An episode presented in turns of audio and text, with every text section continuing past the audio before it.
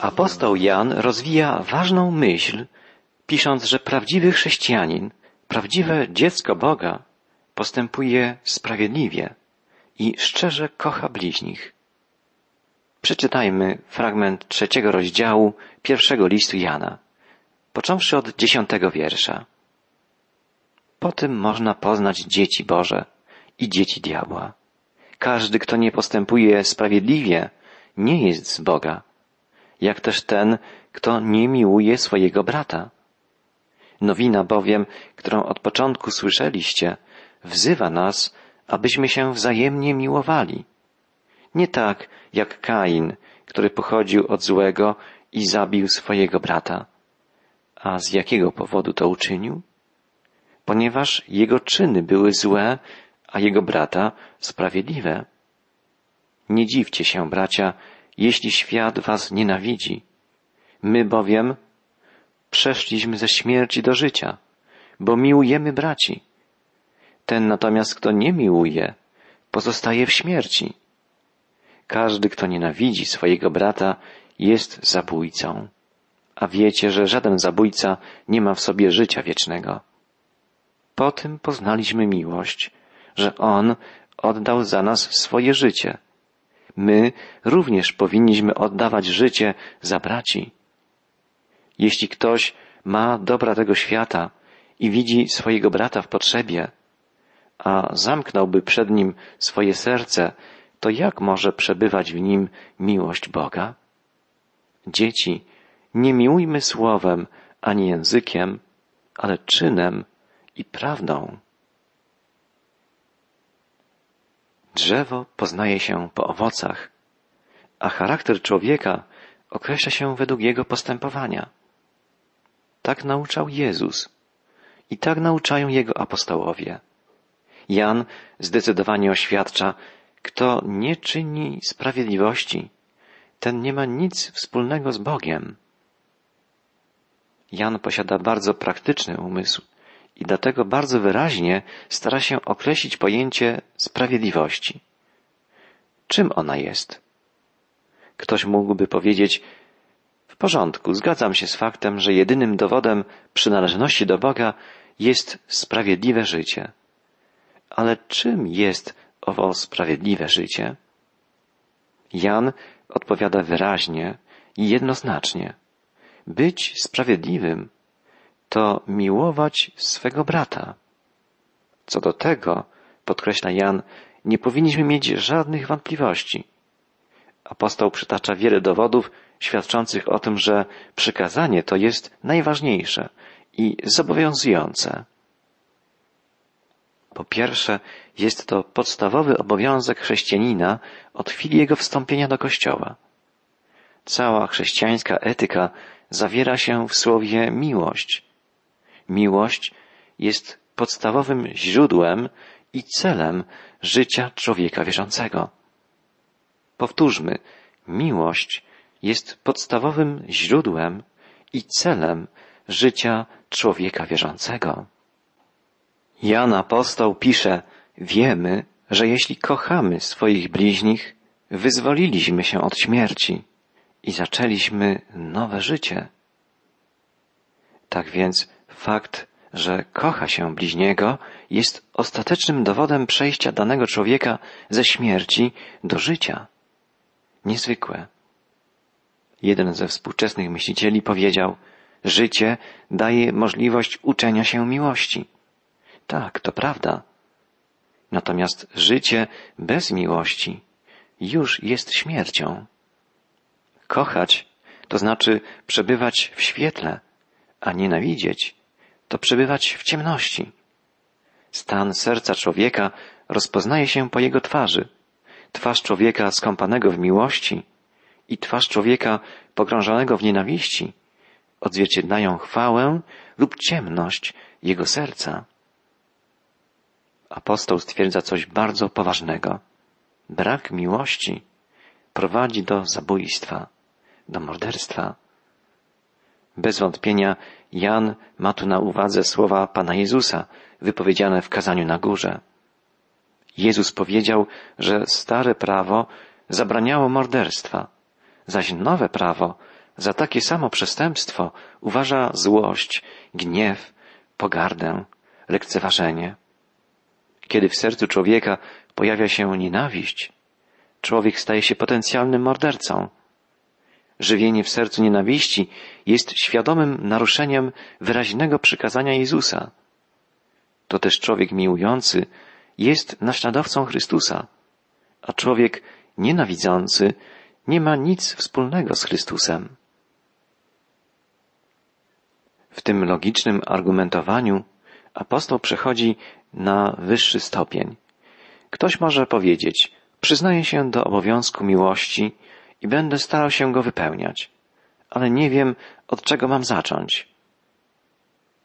Jan odpowiada, jeżeli chcesz dowiedzieć się, czym jest miłość, spójrz na Jezusa Chrystusa. Ona została wyraźnie przedstawiona w Jego śmierci za nas na krzyżu. Inaczej mówiąc, życie chrześcijanina jest naśladowaniem Chrystusa. Takiego bądźcie względem siebie usposobienia, jakie było w Chrystusie Jezusie, pisze apostoł narodów w liście do Filipian. Zostawił on wam przykład, abyście wstępowali w jego ślady, pisze apostoł Piotr. Nikt, patrząc na Jezusa, nie może powiedzieć, że nie wie, czym jest miłość, że nie wie, czym jest życie Bożego dziecka, czym jest życie chrześcijańskie. Jan odpiera jeszcze jeden możliwy zarzut. Ktoś może powiedzieć, w jaki sposób mogę naśladować Chrystusa? On położył swoje życie na krzyżu. Powiadasz, że powinienem ofiarować swoje życie za braci? Co więc mam robić? Jan odpowiada, jeżeli widzisz swego brata w potrzebie, udziel mu pomocy, a przez to będziesz naśladował Chrystusa. Zamknięcie się w sobie i powstrzymywanie się od dzielenia się tym, co się posiada, wskazuje na to, że nie ma w tobie miłości Bożej, która była w Jezusie Chrystusie. To jest bardzo jasne stwierdzenie apostoła Jana. Jan podkreśla, że możemy znaleźć wiele możliwości okazania miłości Chrystusowej w codziennym życiu. W życiu pierwotnego Kościoła były okazje, jakie niekiedy zdarzają się i w czasach dzisiejszych. Okazje dosłownego wypełniania nakazu złożenia swego życia za braci. Choć życie nie zawsze jest takie tragiczne, że trzeba je poświęcać w sensie ostatecznym, to jednak zasada obowiązuje nadal. Może się odnosić do na przykład niewydatkowania określonej sumy pieniędzy, które bardziej przydałyby się komuś biedniejszemu. Chodzi tu o tę samą zasadę, chociaż o mniejszej intensywności. Chęć oddania tego, co posiada wartość dla naszego życia, żeby wzbogacić życie innego człowieka. Jeżeli zasada codziennych uczynków miłosierdzia nie będzie przestrzegana w naszym życiu, to nie możemy uważać się za członków rodziny Boga, w której miłość jest podstawowym prawem i oznaką życia, życia wiecznego. Miłość wyraża się w działaniu. Tylko w działaniu wypełnia się zasada krzyża. Nic nie zastąpi pomocy udzielonej człowiekowi w potrzebie. Nie wystarczy mówienie o chrześcijańskiej miłości. Piękne słowa nigdy nie zastąpią pięknych czynów. Miłość wyraża się w postępowaniu na co dzień. Apostoł pisze, dzieci, nie miłujmy słowem ani językiem, ale czynem i prawdą. Poznaliśmy miłość, bo On oddał za nas swoje życie. My również powinniśmy oddawać życie za braci. Jeśli ktoś ma dobra tego świata i widzi swojego brata w potrzebie, a zamyka przed nim swoje serce, to jak może przebywać w nim miłość Boga? Apostoł apeluje też, nie postępujcie jak Kain. Chrześcijanin nie może być podobny do Kaina, który zamordował swojego brata. Jan stawia pytanie, dlaczego Kain zamordował swego brata I odpowiada, ponieważ jego czyny były złe, a czyny jego brata dobre, sprawiedliwe. I następnie dodaje, nie dziwcie się, bracia, jeżeli was świat nienawidzi. Zły człowiek instynktownie nienawidzi dobrego człowieka. Sprawiedliwy zawsze jest przedmiotem wrogości ze strony tych, których czyny są złe. Człowiek sprawiedliwy może nie wypowiedzieć nawet jednego słowa oskarżenia, ale sama jego obecność jest cichym oskarżeniem wobec zła, wobec tych, którzy brną w zło. Sokrates, grecki filozof, był dobrym człowiekiem. Natomiast inny mędrzec, Alcybiades, był bardzo inteligentny, błyskotliwy, ale był często rozpustny. Nie był człowiekiem prawym, sprawiedliwym, moralnym.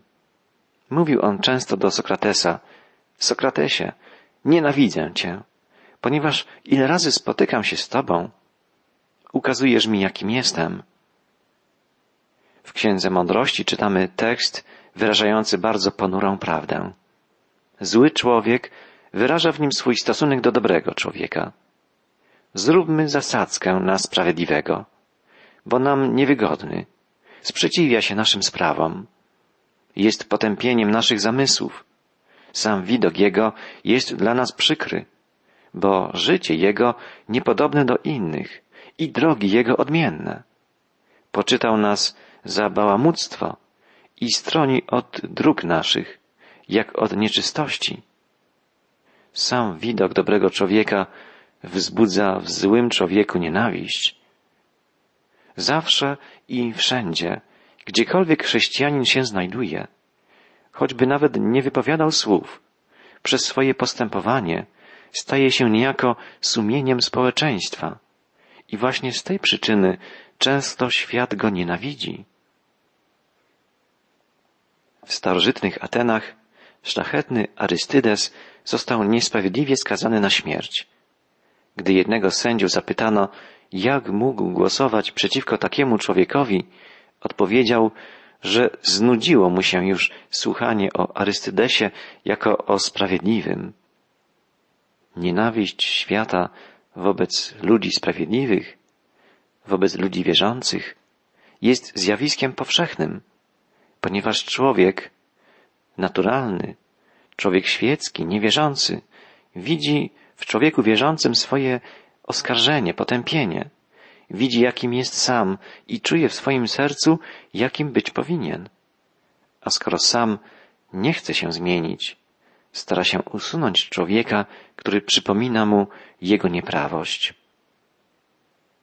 Jezus powiedział, gdybyście byli ze świata, świat miłowałby to, co jest Jego, że jednak ze świata nie jesteście, ale ja was wybrałem ze świata, dlatego was świat nienawidzi.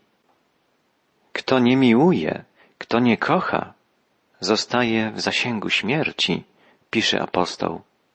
I podkreśla, my wiemy, że przeszliśmy ze śmierci do życia, bo miłujemy braci. Ten natomiast, kto nie miłuje, pozostaje w śmierci. Dla Jana życie i miłość łączą się ze sobą w tak nierozerwalny sposób, że dobitnie i jednoznacznie podkreśla, kto nie miłuje, pozostaje w śmierci. Apostoł nie wdaje się w jakieś moralizujące napomnienia czy groźby tym, którzy nie miłują. Nie ma nic im więcej do powiedzenia, ponieważ tylko stwierdza i widzi, co się z nimi dzieje. Oni pozostają w śmierci chociaż być może na pozór są pełni życia i dobrze im się powodzi. Ale w nas, jeśli trwamy w Chrystusie, dokonał się radykalny zwrot. Zrobiliśmy niesłychany krok, krok ze śmierci do życia. O tym wiemy, pisze apostoł. Wiemy, że przeszliśmy ze śmierci do życia, bo miłujemy braci. Na czym opiera się ta pewność? Czy na jakimś bardzo emocjonalnym przeżyciu? na wypełniających się w nas uczuciach, na zdumiewającej mocy i darach duchowych, które otrzymaliśmy? Nie. Apostoł Jan widzi to inaczej. Pisze, wiemy, bo miłujemy braci. To jest ten właściwy cud i rozstrzygający zwrot w naszym życiu, że my, ludzie z natury samolubni, potrafimy kochać, potrafimy i faktycznie miłujemy. Miłość do brata jest pierwszym wielkim, konkretnym sposobem miłowania, który nakazany nam i darowany jest zarazem znakiem, że zrobiliśmy krok ze śmierci do życia. To wspaniała prawda. Pojawia się jednak znowu pytanie, co to znaczy miłować? Po czym poznajemy miłość? Po czym poznajemy to, że kochamy? Na czym ta miłość polega? Wszyscy musimy zadawać sobie takie pytania, ponieważ miłość stała się dzisiaj pojęciem bardzo wieloznacznym. W Nowym Testamencie występuje kilka wyrazów określających miłość. Między nimi występuje tu wyraz agape i właśnie to określenie stosuje apostoł Jan. Pojęcie to było oczywiście także w ówczesnej literaturze światowej, w dziełach Greków, chociaż pojawiało się stosunkowo rzadko. Stosowano je przede wszystkim mówiąc o miłości Boga. Jeżeli teraz tym samym słowem agape określane jest miłowanie bliźniego, znaczy to, że prawdziwa miłość względem brata powstaje w świetle miłości Bożej, tak jak dał temu wyraz sam Jezus, który ściśle połączył obydwa przykazania miłości miłość do Boga i miłość do bliźniego. Będziesz miłował Pana Boga swego i będziesz miłował bliźniego swego jak siebie samego. Tak nauczał Jezus. Dlatego też Jan, jego uczeń, wskazując na Jezusa, daje nam odpowiedź na nasze pytania o prawdziwą miłość. Sami z siebie nie możemy naprawdę pojąć, czym jest miłość. Po tym poznaliśmy miłość, że On za nas oddał życie swoje. To jest prawdziwa definicja miłości. Dopiero w Nim, w Jezusie, widzimy miłość i widzimy ją taką, jaką sami powinniśmy okazywać i jaką sami zostajemy porwani, przemienieni. Czy naprawdę tak się dzieje w naszym przypadku? Jeśli tak, to przeszliśmy już ze śmierci do życia. Słowa apostoła Jana, iż poznaliśmy po tym miłość, że Jezus oddał za nas swoje życie, możemy przetłumaczyć także nieco inaczej, iż po tym poznaliśmy miłość, że Jezus oddał za nas swoją duszę. Jan jedyny raz w tej właśnie wypowiedzi stosuje słowo psyche, które oznacza duszę. Może ono oczywiście w określonym kontekście oznaczać także życie, ale zasadniczo psyche to dusza. Jezus oddał za nas swoją duszę już wtedy, gdy zrezygnował ze swojej boskiej chwały. Jako prawdziwy, ucieleśniony człowiek przyjął postać sługi, żeby żyć pomiędzy nami. Dlatego Jezus był już barankiem Boży, który gładzi grzechy świata, kiedy Jan Chrzciciel ujrzał go po raz pierwszy. Całe życie Jezusa, Jego nauczanie, uzdrawianie, uwalnianie, przyjmowanie grzeszników było oddawaniem duszy. W tym sensie, w jakim śmierć na krzyżu stała się naszym zbawieniem, nie była ona tylko śmiercią, tylko oddaniem życia, ale ofiarą, oddaniem całej duszy, śmiercią w miłości do Ojca i z miłości do nas. On oddał duszę swoją dla Ojca, dla Jego chwały i za Jego święte prawo. Nas czekał tylko sąd i oddzieleni od Boga zasługujemy jedynie na wieczną śmierć. Jezus rozumiał gniew Boży, a jednak oddał duszę swoją za nas i stanął za nas przed sądem Bożym. Zamiast nas opuszczony został przez Boga i za nas poniósł haniebną śmierć. Miłość Bożą poznajemy właśnie po tym, że On, ten jedyny święty i sprawiedliwy, za nas, a więc za bezbożnych, za grzeszników, za wrogów Boga, oddał swoją duszę. Im głębiej wchodzimy w samych siebie, tym mocniej uderza nas to stwierdzenie za nas. A więc i za takich jak ja oddał On swoją duszę, swoje święte życie. Apostoł apeluje i my winniśmy życie swoje oddawać za braci, a inaczej i my winniśmy dusze swoje oddawać za braci. Miłość, której doznaliśmy, czyni nas dłużnikami wobec naszych braci. Teraz tym bardziej nie możemy wybierać między braćmi, szukając tylko tych, którzy są godni naszej miłości. Miłość poznaliśmy właśnie po tym, że On, Pan, Zbawiciel, oddał swoją duszę za takich jak my, za ludzi absolutnie niegodnych tego. Czy w takiej sytuacji można stawiać jakąś granicę naszej miłości? Dosłowne tłumaczenie oddać duszę staje się tu szczególnie wymowne. Życie oddawać za braci to jedno z tych niebezpiecznych frazesów, których może chętnie używamy. W ogóle nie myślimy, że mogłyby być wprowadzone w życie. Chętnie słuchamy o wyjątkowych wypadkach, że jakiś chrześcijanin poszedł za innych na śmierć.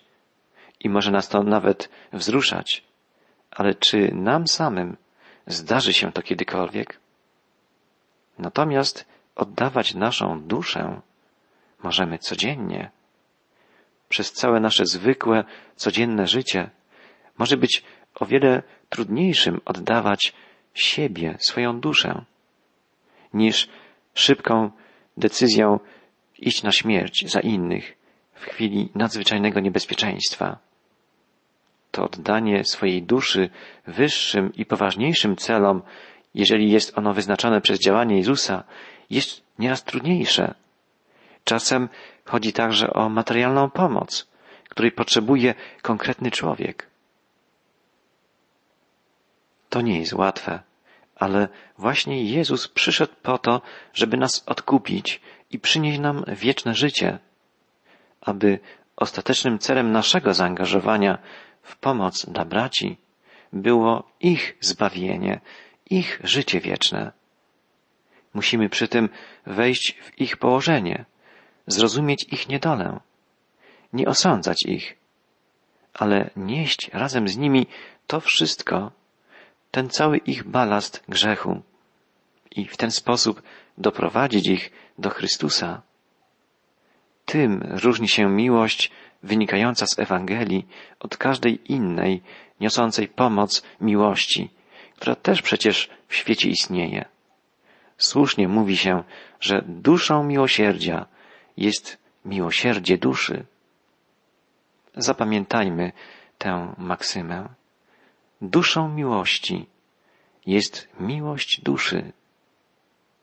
Miłujmy swoich bliźnich czynem i prawdą, wzywa apostoł, abyśmy i my, i oni przygotowali swoje dusze do życia w Bożym Królestwie.